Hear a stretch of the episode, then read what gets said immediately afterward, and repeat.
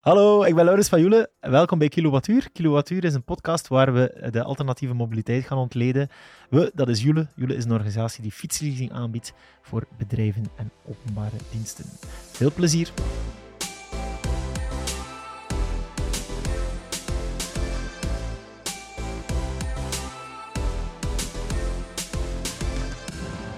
Dag beste luisteraar, dag beste kijker. Welkom bij de tweede aflevering van, uh, van Kilowattuur. En vandaag hebben we Audrey te gast. Audrey, je hebt de briefing al goed gelezen om de pool aan te doen van het bedrijf die we vertegenwoordigen. Audrey, je werkt bij Umbrella. Welkom. Dag Laurent, hoi, Hoi, hoi. Uh, vandaag gaan we een beetje babbelen over Umbrella. Misschien even heel kort, wat is Umbrella? Um, Umbrella is een HR-platform voor bedrijven om aan uw werknemers flexibele mobiliteitspakket aan te bieden. Zoals het heel populaire mobiliteitsbudget, maar ook uh, abonnementen op het openbaar vervoer en kilometervergoedingen. Cool, het is een platform in feite. Ja, ja inderdaad. Dus het mobiliteitsbudget hoor ik al vallen. Een heel gehypte naam die we overal in kranten en dergelijke zien. Wat is dat, mobiliteitsbudget? Wel, het mobiliteitsbudget is eigenlijk een um, fiscale regeling um, om uw bedrijfswagen in te wisselen voor een budget. En dat is eigenlijk heel makkelijk voor de werknemer om te kiezen, oké, in plaats van mijn traditionele bedrijfswagen wil ik een budget die hij mhm. dan kan spenderen aan verschillende mobiliteitsoplossingen of um, huisvestingskosten. Ah, oké, cool. En jullie doen dat, daar ga ik straks even dieper op ingaan natuurlijk, maar jullie doen ook nog andere manieren, of uh, de software kan nog andere, andere zaken of diensten gaan leveren. In ja, principe. ja, inderdaad. Dus mobiliteitsbudget is één ding en dat is eigenlijk echt een super iets voor, om salarisoptimalisaties te gaan doen aan je werknemers, ook naar duurzaamheid toe. Um, maar daarnaast zijn we echt een, een mobiliteitsplatform ook voor bedrijven of werknemers die geen bedrijfswagen hebben. Dus het beheer van abonnementen op het openbaar vervoer, um, alles van kilometervergoedingen, de fietsvergoeding, um, die er binnenkort verplicht wordt. Dus eigenlijk alles van het mobiliteitspakket voor uw werknemers is wat we Oké, dus fietsvergoeding, dan kom je mee in de winkel ook een beetje. Inderdaad. Inderdaad. Dus het registreren van een fietsvergoeding kan ook via een platform als Umbrella eigenlijk vandaag. Ja, inderdaad. Dus uw um, werknemer gaat ingeven um, zijn thuislocatie en dan werklocatie. En dan berekent de tool de afstand en de vergoeding die daarbij hoort. En dat wordt dan correct op de loonfiche van de werknemer uh, terugbetaald. Oké, en dat is geïntegreerd met de payroll ja, eigenlijk ook? klopt, inderdaad. Dus met de verschillende sociale secretariaten. Um, en dus hoe meer je fietst, hoe meer geld je verdient. tof. Kijk, dat is direct reclame voor, uh, voor jullie ook uh, van de eerste keer. Uh, nu, even terug op het mobiliteitsbudget, want allee, Umbrella is dus van toepassing voor mensen met een bedrijfswagen, maar ook mensen zonder bedrijfswagen. Dat heb je eigenlijk al toegelicht. Het mobiliteitsbudget is eigenlijk enkel voor mensen die reeds een bedrijfswagen hebben. Nee, dat is correct. Ja, klopt. Dat is een van de beperkingen daarvan, maar um, ja, dat klopt. Ja, en hoe werkt dat dan precies? je hebt je bedrijfswagen, je werkgever opent de deur om een mobiliteitsbudget op te zetten? Of hoe, hoe begin je daaraan in principe? Wel, de eerste stap als uh, bedrijf is het invoeren van een policy. Dus naast uw car policy hadden een mobility policy invoeren. En dan is het aan de werknemer om te kiezen, oké, ik wil de traditionele bedrijfswagen met uh, verbrandingsmotor of ik wil instappen in de regeling van het mobiliteitsbudget. En dat dan, um, dan kiest hij, dat is een uh, addendum aan zijn contract, oké, ik wens mijn bedrijfswagen in te wisselen voor een budget.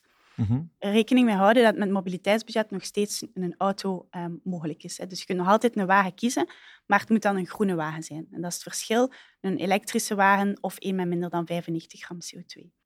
95 gram CO2. Ja. Moet je nog een beetje onderwijzen in wat dat allemaal betekent, maar dat is al iets. Dus je begint eigenlijk van, van je bestaande bedrijfswagen en dat ga je eigenlijk inruilen in een budget eigenlijk zelf. Ja, klopt. Hoe, wordt dat bedrag bepaald? Dat is effectief dezelfde kostprijs van, van die bedrijfswagen dan? Ja, inderdaad. Ja. Dat wel goed. Hè? je kent de mobiliteit toch ja, maar wat is de kostprijs van een bedrijfswagen? Wat is de kostprijs van een bedrijfswagen? Wel, vandaag is er um, nog geen regeling en dat is ook um, misschien een van de beperkingen, maar er is nog geen regeling om die, wat we noemen de TCO, de Total Cost of Ownership, om die vast te leggen. Dus als bedrijf mocht je eigenlijk zelf kiezen, wat is die TCO? Zelf kiezen, ik zal dat een beetje nuanceren. Mobiliteitsbudget wordt berekend, ik ga het proberen zo gemakkelijk mogelijk uit te leggen, um, is de totale kost van de wagen voor de uh, werkgever. En dat wordt omgezet in een mobiliteitsbudget. En wat is de totale kost uh, van de wagen? Dat is um, leasekosten, verzekeringen, banden uh, en eventueel um, benzine. Ja. Ik ging zeggen fuel, maar... dus, ja, brandstofkosten. brandstofkosten ja. dus die totale kost van de wagen gaan omzetten in, in een budget. En dus de, het argument van ja, um, mobiliteitsbudget is minder voordelig dan de wagen gaat nu niet meer op, want het is eigenlijk kostneutraal voor de werkgever. En de werknemer die krijgt echt een budget op basis van wat kost de wagen aan mijn werkgever. En het is eigenlijk de taak van de werkgever om zelf die TCO uh, vast te stellen per werknemer eigenlijk dan. Ja, er zijn verschillende mogelijkheden en dat neemt je dan eigenlijk op in je policy. Maar de werkgever moet dat transparant maken voor de werknemer. Van oké, hoe wordt dat berekend? En dan neemt je op in je policy. Je doet dat op um, categorieniveau. Dus bijvoorbeeld de juniors hebben recht op een budget van 500 euro, um, medior 750. Dus je legt eigenlijk gewoon vast, zodat je werknemer altijd weet, oké, ofwel heb ik een wagen van zoveel, ofwel heb ik een mobiliteitsbudget van dit bedrag. En is dat belangrijk op welke termijn dat je dat vastlegt? Of is dat echt de werkgever die bepaalt, voor, voor dit jaar heb je dit budget van toepassing? Um, ja, neemt dat op in uw uh, policy.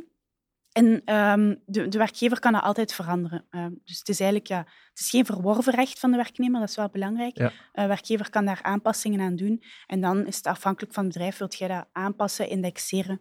Um, maar de meesten laten dat gewoon meegaan met de index. Meegaan met de index. Oké, dat betekent eigenlijk dat je, je neemt dat mobiliteitsbudget, dat bereken je op basis van een TCO en je geeft eigenlijk plots verschillende opties aan je werknemer om, om te kiezen tussen een mobiliteitsbudget. De ene voorwaarde is, je bedrijfswagen moet groener zijn als je voor een wagen kiest eigenlijk. Ja. Dus de voordelen zijn eigenlijk flexibiliteit. Je gaat eigenlijk vooral flexibiliteit geven. Ja. zijn er nog andere voordelen aan het mobiliteitsbudget buiten, buiten het flexibel maken of het flexibel verloon ja. naar de werknemer toe? Naar de, ja, naar de um, werknemer is gewoon pure flexibiliteit. Hè. De ja. one-fits-all salarispakket. Je hebt een bedrijfswagen en daar stopt het bij. Dat is echt niet meer van toepassing. Zeker na corona. Um, uh, en ja, in de huidige uh, economische context, werknemers willen gewoon die flexibiliteit. Wilt jij een bedrijfswagen, dan kan dat. Wilt jij uw, en daar komen we misschien later op terug, uw huisvestingskosten uh, ja. invoeren. Is echt, ik als werknemer krijg een virtueel budget en ik kan dat spenderen aan wat dat voor mij best past. Ja.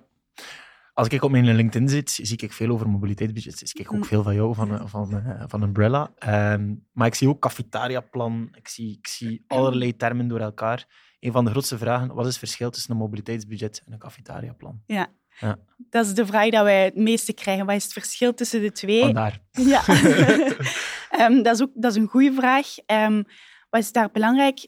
Mobiliteitsbudget is echt voor het regelen van uw dagdagelijkse mobiliteit. Dus hoe gaan werknemers zich verplaatsen van en naar het werk? Um, dat is dan ook natuurlijk optimalisatie van hun loon, bedrijfswagen versus andere, uh, andere opties. Maar mobiliteitsbudget, dat is dagdagelijkse mobiliteit van uw werknemers. Terwijl een cafetariaplan is eigenlijk de optimalisatie van een dertiende maand of uh, van een bonus. En met, die, met een cafetariaplan kunnen ook nog andere zaken kiezen, zoals bijvoorbeeld vakantiedagen. Uh, uh, ik ga het dan niet hebben over mobiliteit, maar vakantiedagen, waranten, al die zaken. Dus dat is een optimalisatie van je loon en die twee systemen kunnen perfect naast elkaar staan. Je kan die naast elkaar zetten, in ja. principe. Dan heb je eigenlijk volledige optimalisatie van je salarispakketten. Nog nooit zo flexibel verloond geweest in je leven dan ja. als je hebt. Oké, okay, dat snap ik dan. Even terug dan over, over mobiliteitsbudget. Daarnet zei je eigenlijk in je introductie, Umbrella werkt voor mensen die een bedrijfswagen hebben en niet een bedrijfswagen. Dat wil dus zeggen, mensen die geen bedrijfswagen hebben, die hebben per definitie geen recht op het mobiliteitsbudget vandaag. Ja. Toch niet de regeling die van toepassing is. Zijn er nog andere voorwaarden om dat mobiliteitsbudget te hebben? Um, ik heb geen bedrijfswagen nu, ik heb een bedrijfsfiets uiteraard, maar vroeger had ik een bedrijfswagen. Mm -hmm. Zijn er nog belangrijke voorwaarden om dat te kunnen inruilen? Ja, je werkgever moet meegaan. Dat is, dat is nummer één, denk ik. Ja, inderdaad. Ja. Dus als werk, uh, werkgever moet je het eerst formeel gaan invoeren. Um, ik ben van mening dat alle werkgevers dat moeten invoeren in België. En nog formeel invoeren, is dat echt aankondigen of is dat ja. gewoon een infosessietje geven voor de werknemers? Dan? Ja, we moeten het eigenlijk zo zien als je moet eerst een uh, policy invoeren. Dus net zoals uw uh, car policy hebt dan de mobility policy. Ja. Daarin um, is eigenlijk, er zijn heel veel templates beschikbaar. Je kunt ook vragen aan uw sociaal secretariaat. Je kunt daarvoor bij uh, Umbrella zijn. Dat is eigenlijk een formeel document met daar de rules of the game in. Je kunt dat zo breed mogelijk maken. Dat is, dat is de eerste stap. En dan het aankondigen aan uw werknemers van de mogelijkheid om nu in te stappen in het mobiliteitsbudget. Um, en ook daar voor HR-managers dan vaak van, oei, moet ik daaraan beginnen? Ik ken daar niet voldoende van. Ja, dan zijn wij er als Umbrella, maar ook uh, uw sociaal secretariaat kan daar ook bij helpen. Ja. Dus dat is eigenlijk de eerste stap. Ja. Oké, okay, tof. Uh, mobiliteitsbudget. Ik ben mee. Ik werk bij jou. Je bent mijn baas. Ik wil gebruik maken van het interessante pakket dat je mee biedt. Ja. aan wat kan ik mobiliteitsbudget besteden? Ja. Ik weet niet of je al gehoord hebt van de drie pijlers van het mobiliteitsbudget. Ik heb er eerlijk gezegd al van gehoord, maar je mag het nog een keer zeggen. Ja. Uh, wel, het mobiliteitsbudget bestaat eigenlijk uit drie pijlers. En um, de eerste pijler is dan uh, de milieuvriendelijke wagen. Dus dat is, zoals ik uh, zei, het verschil tussen de vroegere cash for car en het mobiliteitsbudget. Werknemers kunnen met het mobiliteitsbudget nog steeds een wagen kiezen. Um, zij dat dan een groene wagen moet zijn. Dus met uh, geen uh, verbrandingsmotor, maar dus een elektrische wagen of een hybride wagen. Er is nog een andere voorwaarde, het mag nog een verbrandingswagen zijn met dan een beperkte uitstoot. Dus pijler 1 is de groene wagen. Dat is die fameuze 95 CO2. 95 gram CO2 per kilometer. Ja, ja inderdaad. Okay, ik snap het. Dus pijler 1, een groene wagen. Um, en dan de tweede pijler is um, alles van mobiliteitsoplossingen, maar ook, en dat is dan interessant, huisvestingskosten. Oké. Okay. Ja. Dus uw werknemers kunnen kiezen, oké, okay, ik wil mijn budget gaan spenderen aan een poppy, aan een lime, tot al die gedeelde mobiliteit, aan een fiets. Aan een fiets? ja, aan ah, een interessant. Ja. Verschillende fietsen aankopen of lezen, dus echt alles. En dat, gaat, dat is gigantisch ruim. Ja. Dus dat is echt heel interessant. Je kunt je pakket opstellen aan de hand van wat dat er beschikbaar is. De, Ja. de waterbus. eh, Ja. Zo van die exotische dingen. Oud- Onthouden vooral fiets, dus pijler 2. We houden, onthouden vooral fiets, En inderdaad. pijler 3 is dan? Ik ga nog even op pijler 2 verder gaan, want we vergeten ook nog iets heel interessants, is ehm, huisvestingskosten. Dus met uw mobiliteitsbudget kunnen ook ehm, uw huur of, de inter- of uw lening eigenlijk financieren. Dus je kunt uw huur of uw lening financieren met je mobiliteitsbudget. En dat is ehm, onbelast. Dus ja, dat is een gigantisch voordeel voor werknemers. Ja. Ehm, en dan de derde pijler is de cash-out. Dus stel dat je nog geld over hebt op het einde van het jaar, dan kun je dat spenderen. dan krijg je eigenlijk het saldo terugbetaald in cash. Daar is dan een bijzondere werknemersbijdrage op van toepassing. Ja. Ehm, en dat, wordt dan, is 38 procent. Maar dat is nog altijd interessanter dan gewoon cash ehm, Ja. buiten het mobiliteitsbudget. Ja, oké, super interessant. Terug naar de pijlers. Eh pijler 1, dat gaat over groenere wagens dan, of eh, hybride wagens in principe. Mhm.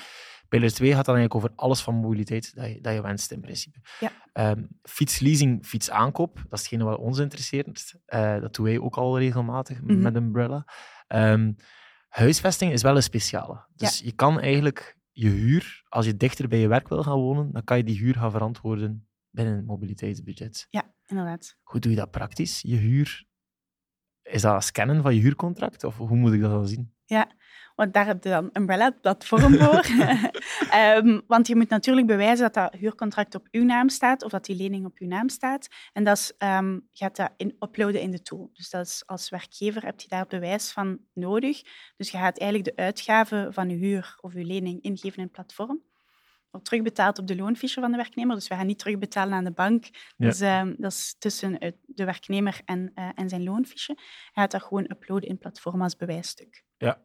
Dat één keer doen en dat staat er elke maand eh, in. En het idee is, misschien heeft de goede luisteraar het al gehoord, ik ben van West-Vlaanderen, van Brugge. Ik, ik ga naar Brussel gaan werken. Ik huur een appartement in Schaarbeek. Ik ga dus mijn mobiliteit en mijn, mijn voetafdruk qua verplaatsing verminderen. Ja. Daarom mag ik dat op die manier die kost gaan inbrengen. Dat is de verantwoording erachter, denk ik. Ja, Inderdaad. En dus ehm, er zijn wel, wel belangrijke voorwaarden. Dus zoals je zegt, als je in Schaarbeek woont, in je kantoor is ook in Brussel, moet binnen een straal van 10 kilometer van kantoor wonen. Dus dat is een belangrijke voorwaarde. Ja. Moest ik verhuizen naar Doornik, dan zou het niet toegelaten worden in principe. Tenzij dat je meer dan 50% van de tijd van thuis mocht werken. En dan wordt het heel interessant. We hebben heel veel consultingbedrijven die zeggen, oké, ik werk bij de klant of ik mag van thuis werken of in de IT-sector.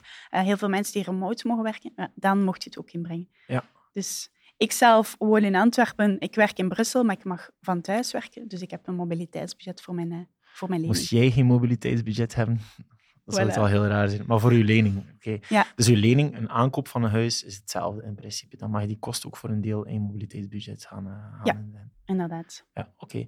Terug naar de fiets dan, want dat interesseert ons natuurlijk ook. Ehm, dat is fietsleasing en fietsaankoop. Beide opties zijn in principe van toepassing. Dus je kunt ook bijvoorbeeld een private lease nemen, ehm, of je kunt eigenlijk een, een fietsleasing nemen en dan kun je inbrengen in de, in de tweede pijler. Ja, ja. En ook voor u, voor uw gezin, ehm ja, mocht verschillende fietsen in Interessant is daar trouwens ook, beste kijker en luisteraar, dat eh Joule geïntegreerd is met Umbrella. Dus op het moment dat je bij Umbrella een mobiliteitsbudget gaat lanceren, dan kan je direct Joule gebruiken. Dan bespaart het je heel wat moeite. Dus ik zou niet twijfelen. Het derde is die uitbetaling. We gaan hier niet die formule van het gunstig belastingstarief beginnen berekenen. Mhm. Daarvoor kan je terecht in, in de e-book van, eh van Jule en Umbrella achteraf. Eh, maar dan kan je toch nog altijd een goede besparing doen, eigenlijk, je mobiliteitsbudget in vergelijking met het gewoon als salaris te zien. Het is nog altijd gunstig, in principe. Ja, inderdaad. Ja. Het, is, ehm, het is nog altijd beter dan, eh, dan gewoon cash. Ja. Ehm, en de tool berekent dat, dus als werkgever heb je daar ook geen, eh, geen zorgen over. Je, je liet daarnet iets interessants vallen. Ik herinner me nog in de opstart van Jule dat toen cash for cars ook een begrip was. Maar nu hoor je daar niets niet meer van. Nee. Bestaat dat nog? Nee, dat is vervangen door het mobiliteitsbudget. Ja. Al in 2019. Ja. Ja, en wat, het principe daar was dat je gewoon geld kreeg voor je auto en dat je niet meer met een auto reed. Ja. Inderdaad. En ja, dat is dan niet interessant, want bijvoorbeeld, ehm, stel je hebt een commerciële functie, maar je hebt geen een auto met alle opties nodig. Je zegt, oké, ik neem een kleinere wagen, een groenere wagen, en ik heb nog geld over voor een fiets of voor Ja. huisvestingskosten. Ja. Dus dat, was, dat is het grote verschil, dat de auto ehm, nog altijd kan. Dat is eigenlijk wel ook logisch. Hè. Het gaat eigenlijk zijn dat je niet zo... Allee, je verplaatsing, dat is ook het idee achter Jule. Kan ook nog functionele verplaatsing met een wagen hebben. Het is Ja. gewoon dat je het aantal verplaatsingen met je wagen probeert te beperken tot degene die, die strikt noodzakelijk zijn, in Ja, principe. Ja. Ik had nog een vraag, maar ik weet niet of je daar een antwoord op hebt. Maar zien jullie in jullie data wat het populairste pijler is? Of wat, dat, wat het meest gebruikt wordt vandaag? Wel, Umbrella is eigenlijk begonnen als ehm, oplossing voor het mobiliteitsbudget. Vandaag gaan we al veel verder en is alles van de total cost of mobility. Dus eh, wat, wat spendeert je aan bedrijf aan je mobiliteit? En dan kun je zelf als bedrijf gaan zien, oké, ik ehm, meest wordt aan leningen, meest wordt aan fietsen. Dus al die zaken Mhm. heb je eigenlijk in je dashboard ook in het platform. Ehm, en wij zien dat dan over al onze klanten. Dus ehm, vandaag is de huisvesting meest, eh, Dat is ja, me- meest populair. meest eigenlijk. populaire, Ja, ja, ja, ja. inderdaad. Daarmee beginnen heel pitch bij klanten dan ook. Eigenlijk, Ja. de huisvesting. ik denk dat ik ongeveer alles weet van het mobiliteitsbudget. Eh, het is een heel interessant, een heel interessante formule, zeker als je een bedrijfswagen hebt. En zeker als werkgever denk ik ook dat het heel interessant is. Eh, nu, in het begin van de podcast hebben we het al licht aangeraakt. Binnenkort wordt de fietsvergoeding verplicht, eigenlijk. Fietsvergoeding is dus een vergoeding per kilometer dat je met de fiets naar het werk gaat. Ja. En dat wordt eigenlijk voor alle werknemers verplicht, in principe, om, om die te gaan geven. Ja. En daar gaan jullie ook eh, een functie hebben als Umbrella om die registratie te gaan doen. Ja, Dus dat is eigenlijk het tweede, tweede deel van het platform van Umbrella die jullie aanbieden. Eigenlijk. Ja. Dus eigenlijk als ehm, werknemer gaat jij in het platform registreren ehm, hoe dat je naar het werk komt, en dus met je fiets. En ehm, ja, het berekent de kilometers en dan de bijhorende fietsvergoeding. Ja. En dat is voor werkgevers heel interessant om echt naar dat duurzaamheid perspectief te gaan. Dus om je werknemers te gaan aanmoedigen. Naast de wagen, neem ook de fiets. Dat kan voor een lange afstand zijn, hè, van je thuis naar kantoor, maar ook voor een stukje thuis naar het station of ehm, naar de klant. Dus eigenlijk echt naar duurzaamheid is dat ja, wel heel interessant. En ook naar mental well-being. Ja, als je werknemers op de fiets krijgt, ja, dat is wel heel interessant voor verschillende, allee, verschillende vlakken. Audrey is even onze pitch aan het doen van Jule, maar eh, inderdaad.